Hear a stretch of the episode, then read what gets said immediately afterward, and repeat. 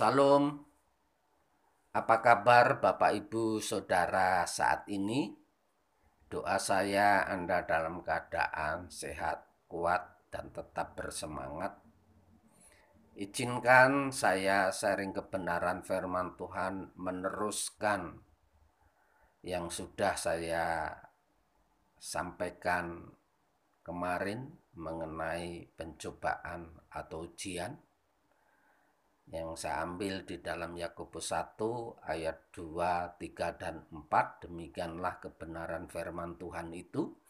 Saudara-saudaraku, anggaplah sebagai suatu kebahagiaan apabila kamu jatuh ke dalam berbagai-bagai pencobaan, sebab kamu tahu bahwa ujian terhadap imanmu itu menghasilkan ketekunan dan biarkanlah ketekunan itu memperoleh buah yang matang supaya kamu menjadi sempurna dan utuh dan tak kekurangan suatu apa pun. Kembali saya ingatkan bahwa pencobaan itu bertujuan untuk memisahkan antara manusia dengan Allah dengan endingnya kebinasaan tetapi ujian itu bertujuan untuk mendekatkan diri dengan Allah dengan endingnya mendapatkan hidup yang kekal. Kemarin sudah saya sampaikan mengapa Tuhan izinkan pencobaan itu datang kepada kita dan saat ini izinkan saya eh, menyampaikan bagaimana kita menyikapi terhadap pencobaan itu. Ada beberapa hal yang pertama kita harus menyadari dan mengetahui titik lemah kita. Saudaraku, karena iblis selalu menyerang kelemahan kita, jangan kita menyangkal kelemahan diri sendiri.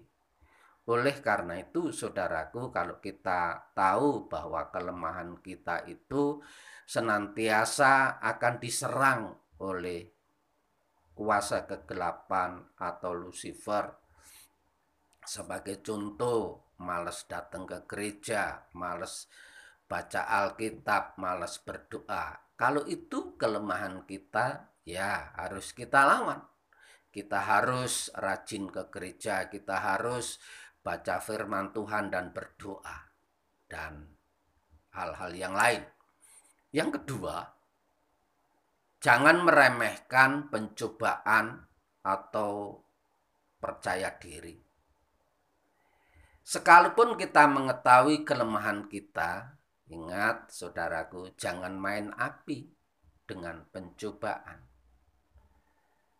Jadi jangan kita mendekatkan diri dengan pencobaan itu.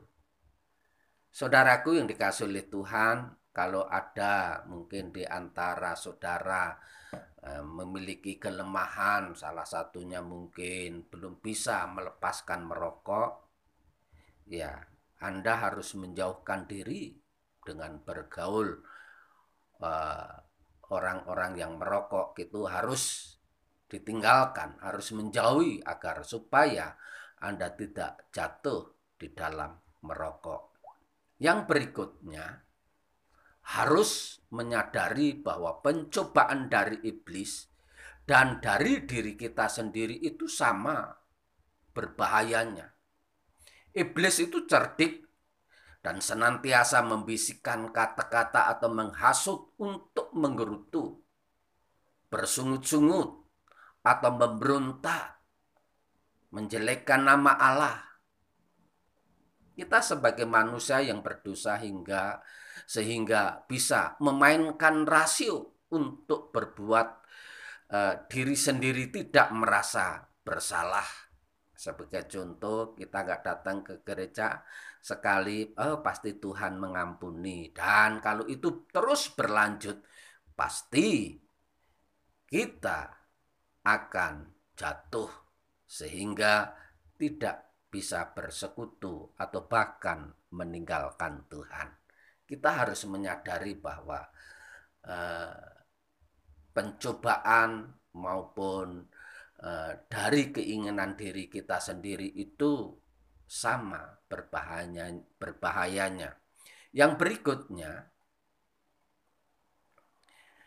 kita harus menyadari bahwa eh, pencobaan itu sebagai ujian mendewasakan kehidupan kita, mendewasakan iman kita. Dengan kata lain, adalah kesempatan untuk kita bertumbuh, untuk menjauhkan diri kepada Tuhan. Sekalipun kita menghadapi ujian dan tantangan, tapi kita menyadari bahwa kita tetap tegar sekalipun harus menghadapi kesukaran kita lawan itu.